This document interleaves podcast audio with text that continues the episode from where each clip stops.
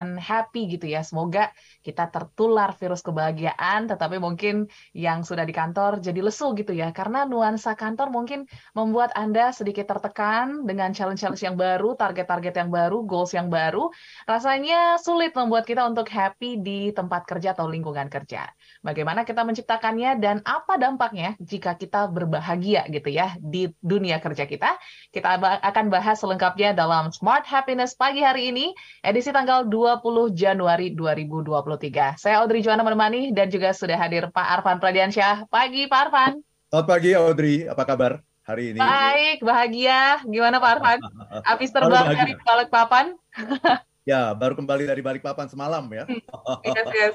Semoga tetap bahagia gitu ya untuk menginspirasi small listeners pagi hari ini. Ya. Oke, kita bahas dulu satu lagu ya tadi yang sudah kita putarkan ada dari Pharrell Williams dengan Happy yang kalau kita dengar dari nadanya, dari liriknya rasanya itu apa ya? Ada virus-virus happy yang juga ditularkan oleh Pharrell Williams. Kalau dari versi Pak Arfan sendiri seperti apa, Pak Arfan? Ya, terima kasih banyak Audrey ya. Lagu ini sangat terkenal ya. Yes. Bahkan di PBB itu kan PBB itu setiap tanggal 20 uh, eh, Maret setiap tahunnya itu memperingati hari happiness sedunia gitu ya. Okay. Dan uh, lagu ini selalu diputar gitu di PBB ketika uh, hari uh, kebahagiaan sedunia itu tanggal 20 Maret ya. Karena lagu ini uh, cocok sekali ya uh, untuk menggambarkan mengenai apa itu happiness dan apa yang harus kita lakukan untuk membuat dunia ini lebih uh, bahagia gitu ya.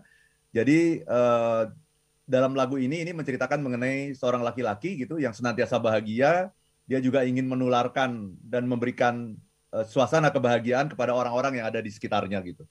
Ya. Karena tidak ada yang bisa membuat orang bersedih dan jatuh kalau sedang bahagia, ya.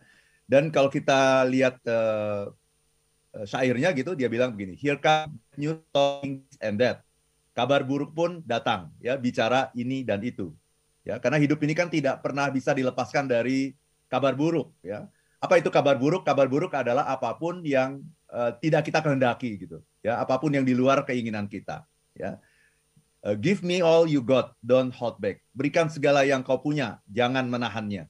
Well I should probably want you I'll be just fine. Ya mungkin aku seharusnya mengingatkanmu bahwa aku baik-baik saja ya. No offense to you don't waste your time ya. Jangan tersinggung dan jangan buang waktumu ya. Here is why. Ini sebabnya ya because I am happy. Ya, karena aku bahagia. Clap along if you feel like a room without a roof. Tepuk tangan jika kamu merasa seperti uh, ruangan tanpa atap.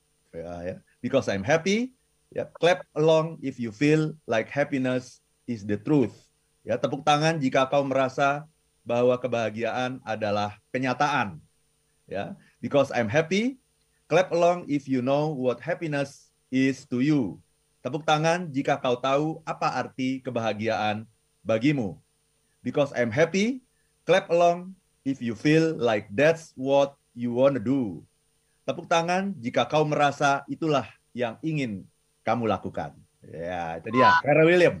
Yes. Nah, tapi dari penjelasan Pak Arfan gitu ya tentang lagu ini, berarti kita sadari bahwa kebahagiaan itu memang diciptakan oleh pribadi lepas pribadi gitu ya, bukan karena lingkungan ataupun faktor-faktor lain atau atau justru faktor-faktor lain pun ikut mendukung tapi mungkin kadarnya um, apa ya lebih besar dari dalam atau seperti apa Pak Arfan? Ya, mendukung sama menentukan itu beda. Oke. Okay. Gitu ya. Faktor luar itu mendukung. Ya. Karena kita itu kan makhluk sosial ya. Makhluk sosial itu cirinya adalah tidak bisa dilepaskan dari uh, lingkungan gitu, ya. Nah, lingkungan tentunya bisa mempengaruhi tetapi kita harus bisa membedakan antara being influence dengan being determined. Yes. Dipengaruhi dengan ditentukan. Itu dua hal yang totally different gitu. Jadi dipengaruhi boleh-boleh saja, tetapi ketika kita yang menentukan, I want to be happy. Aku mau bahagia hari ini. Dan aku ingin menyebarkan kebahagiaan kepada lingkungan terdekatku, kepada orang-orang uh, di timku, di kantor, unit kerja yang terkecil, yang ada di kantor supaya ini bisa menjadi sebuah virus uh, positif yang menyebar di seluruh kantor ini. Nah, itu itu keputusan namanya. Ya, itu keputusan kita. Jadi pengaruh itu bisa saja tapi kitalah yang memutuskan. Kitalah sutradaranya. Oke, kitalah sutradaranya. Nah, mungkin kita ajak juga semua listeners pagi hari ini, Pak Arfan ya, untuk sharing pengalaman ataupun perasaannya. Kira-kira sudahkah Anda bahagia gitu di tempat kerja Anda? Karena awal tahun ya, Pak Arfan, dengan target-target ya. Goal, tujuan uh, ataupun KPI yang cukup tinggi, rasanya uh, sulit untuk kita bahagia gitu di kerja gitu ya. Jadi yeah Silahkan sharing soal listeners di 0812 11 12 959 atau pergunakan live chat YouTube kami di Radio Smart FM. Begitu juga small listeners yang pastinya berpartisipasi pagi hari ini. Kita juga sudah buka polling di uh, Instagram kami di @radiosmartfm959. Jadi pastikan Anda tetap bergabung bersama kami. Kita akan bahas tuntas happiness at work pada Smart Happiness pagi ini um, terbayang-bayang KPI ataupun target-target tahun ini rasanya cukup sulit juga ya untuk kita bisa menciptakan kebahagiaan. Terlebih nih, Pak Arfan, mungkin untuk teman-teman yang menggunakan transportasi publik ya, contohnya juga mungkin Audrey gitu, kalau berangkat sudah kesiangan dikit, padatnya itu nggak bisa bikin kita bahagia gitu ya. Mungkin uh, ada faktor-faktor itulah yang mempengaruhi. Tapi sebenarnya sebenarnya bagaimana sih kebahagiaan itu tercipta dalam dalam lingkungan yang mungkin penuh pressure gitu, yang penuh tantangan? Silakan Pak Arfan. Iya, jadi ya, topik kita pada pagi hari ini menarik sekali ya uh, mengenai uh, happiness at work gitu. Bagaimana kita uh, bisa bahagia di tempat kerja gitu ya. Karena tempat kerja itu uh, penuh dengan pressure kan, Audrey ya. Penuh dengan pressure, penuh dengan uh, tantangan ya, penuh dengan uh, tuntutan gitu ya. Nah, um, itu yang harus kita jawab gitu. Jadi eh, situasi kita hari ini bagaimana menurut teman-teman semua? Apakah Anda bahagia di tempat kerja atau tidak gitu. Karena kalau kita tidak bahagia di tempat kerja, maka setiap hari kita akan menghadapi uh, siksaan sebetulnya kan? Yes. Kita kan pasti akan menghadapi siksaan. Mungkin kita melihat uh, tempat kerja itu seperti apa gitu. Nah, ini juga ini juga boleh kita tanyakan nih kepada smart listener nih. Oh, ya. Anda melihat tempat kerja itu analoginya apa? Oke. Boleh nanti dijawab tuh ya Aha. melalui uh, eh, SMS atau uh, ya, ya. atau live chat YouTube kita. Live chat gitu. boleh ya di YouTube ya. Karena ada orang yang melihat tempat kerja itu seperti penjara gitu.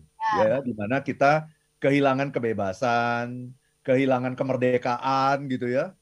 Uh, bahkan teman-teman yang bekerja di call center itu, oke, okay. itu Audrey itu HP itu uh, dititipkan gitu.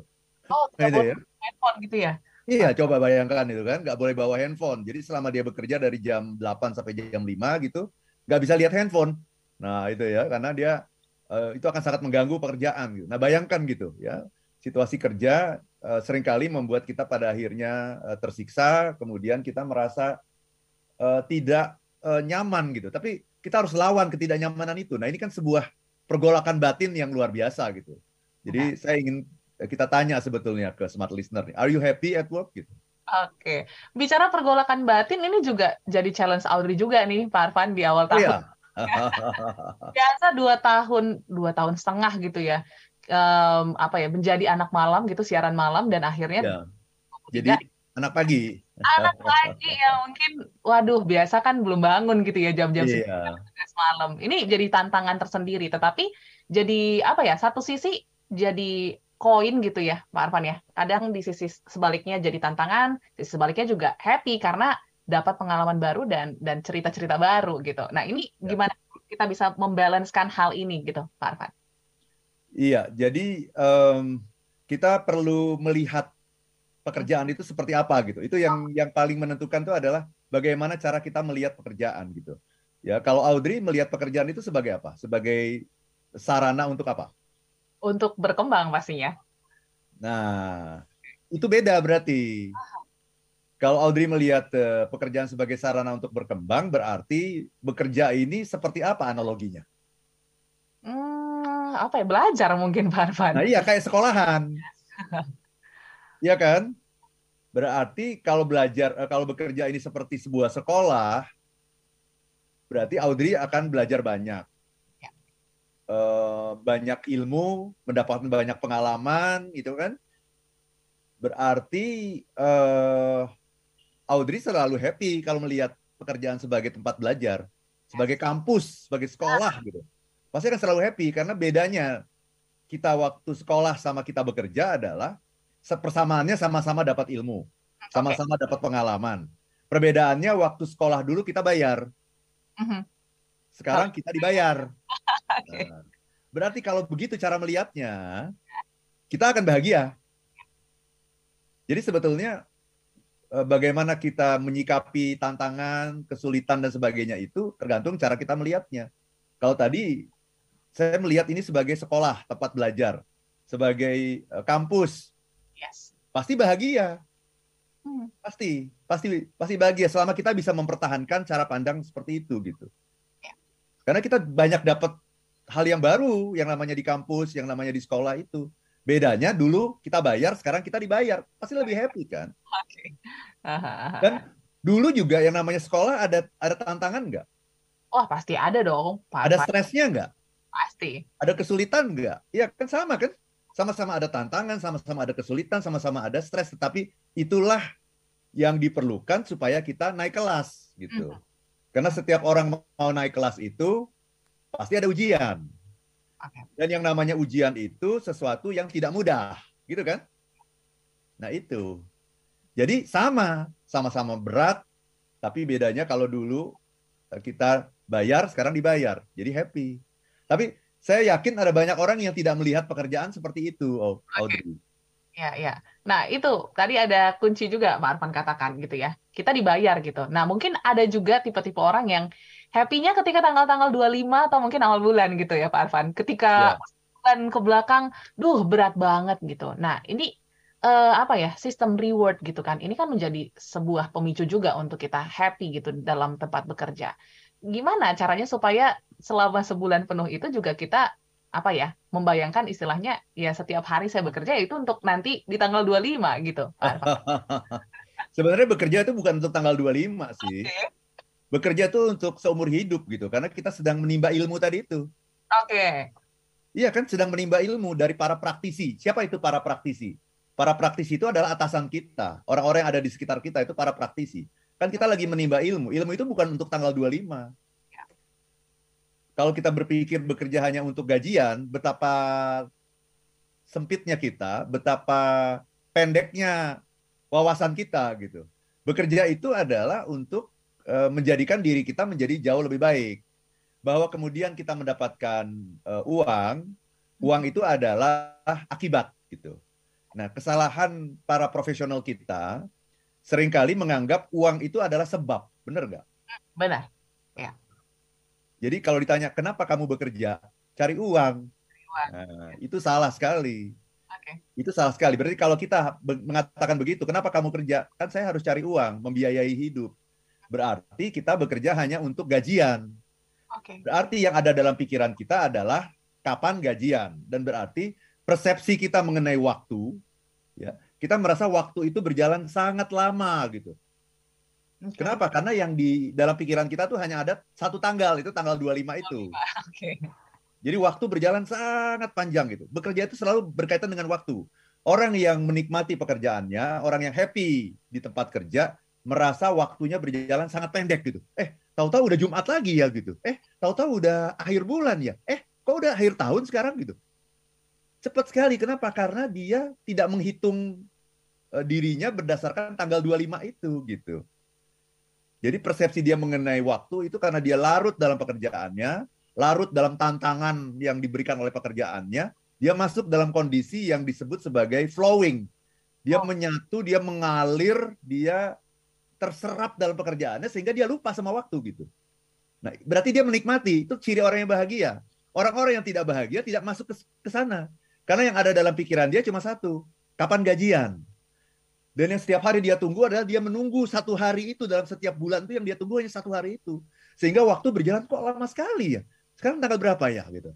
Mhm. Selalu sekarang tanggal berapa ya? Ini uang udah mulai habis nih. Karena yang menjadi perhatian dia itu hanya uh, gaji, hanya uang. Jadi yang saya katakan, Audrey, apakah uang itu penting? Penting. Tetapi uang itu adalah akibat gitu. Ya. Nah di dunia ini, Audrey, ada sebab, ada akibat. Ya. Yang harus kita pikirin apa? Sebab atau akibat? Harusnya ya sebabnya. Sebab gitu. Jadi kalau misalnya saya bilang uh, badan yang sehat itu sebab atau akibat?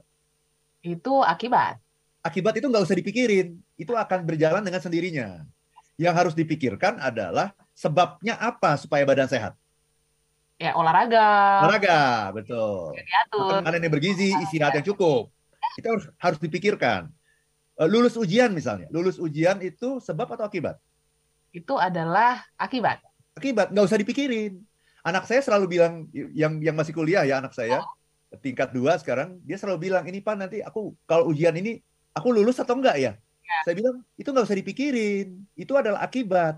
Yang harus kamu pikirkan adalah belajar. Belajar gitu. Jadi yang harus dipikirkan itu adalah sebab bukan akibat. Nah, kalau kita bicara mengenai pekerjaan, maka uang itu sesungguhnya adalah sebab atau akibat? Akibat. Akibat. Akibat dari apa? Akibat dari pelayanan yang kita berikan dengan penuh semangat, yang melayani dengan sepenuh hati kepada customer kita. Kita mendapatkan uang sebagai akibatnya. Nah, orang yang tidak bahagia di tempat kerja adalah orang yang menempatkan uang sebagai sebab. Mm-hmm. Sehingga kalau ditanya, kenapa kamu kerja? Kebanyakan orang ngomongnya apa? Karena cari uang. Cari uang. yes.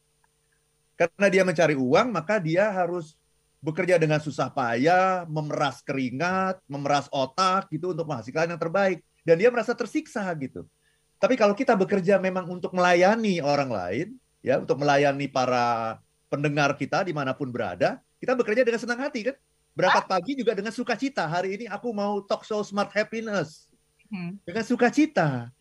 Ya, jadi bukan uang yang dipikirkan, tapi uang itu kita dapatkan sebagai akibat gitu ya. Jadi kesalahan terbesar orang adalah menempatkan uang sebagai sebab. No, uang itu adalah akibat. Jadi saya tidak mengatakan uang itu tidak penting, uang itu sangat penting, tapi mari kita tempatkan uang itu posisinya ada di bagian akibat, bukan sebab. Sebabnya apa? Sebabnya adalah melayani dengan sepenuh hati, memberikan yang terbaik yang kita punya. Itu Audrey. Oke, wah ini point of view yang mungkin berbeda ya, Small Listeners ya. Mungkin kita biasa ya menjawab kerja untuk uang gitu ya. Cari kerja di mana-mana. Iya kan, selalu kan gitu kan? Benar, benar Pak Arfan. Mungkin bekerja sampai larut malam gitu ya, mungkin mengesampingkan kesehatan, keluarga dan lain sebagainya ya untuk uang gitu ya. Jadi ini uang. bisa kita perbaiki di pagi hari ini, listeners. Dan pastinya juga uh, nanti kita akan bahas Pak Arfan. Uh, selain uang juga mungkin di dalam dunia pekerjaan apresiasi ya, ini juga yang bisa menjadi sebuah kebahagiaan untuk kita. Nah nanti gimana nih kalau misalnya momennya di dunia pekerjaan kita, kita nggak pernah dapat apresiasi, terus uh, saya merasa bahagia tuh gimana Pak Arfan untuk didapatkan? Okay setelah yang satu ini dan untuk Anda small listeners yang sudah bergabung pagi hari ini, selamat pagi di channel YouTube ada Pak Dandi, Triadi dan juga eh, rekan-rekan yang mungkin belum berkomentar, boleh silakan berkomentar dan sharing kira-kira Anda sudah bahagiakah di tempat kerja Anda? Boleh di 0812 11 12 915 atau di channel YouTube kami di Radio Smart FM. Kita kembali setelah jeda.